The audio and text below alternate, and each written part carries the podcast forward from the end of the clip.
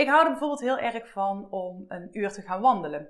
Ik ga een uur wandelen in de natuur, zonder uh, podcast of wat dan ook, uh, zonder iemand ook het liefst.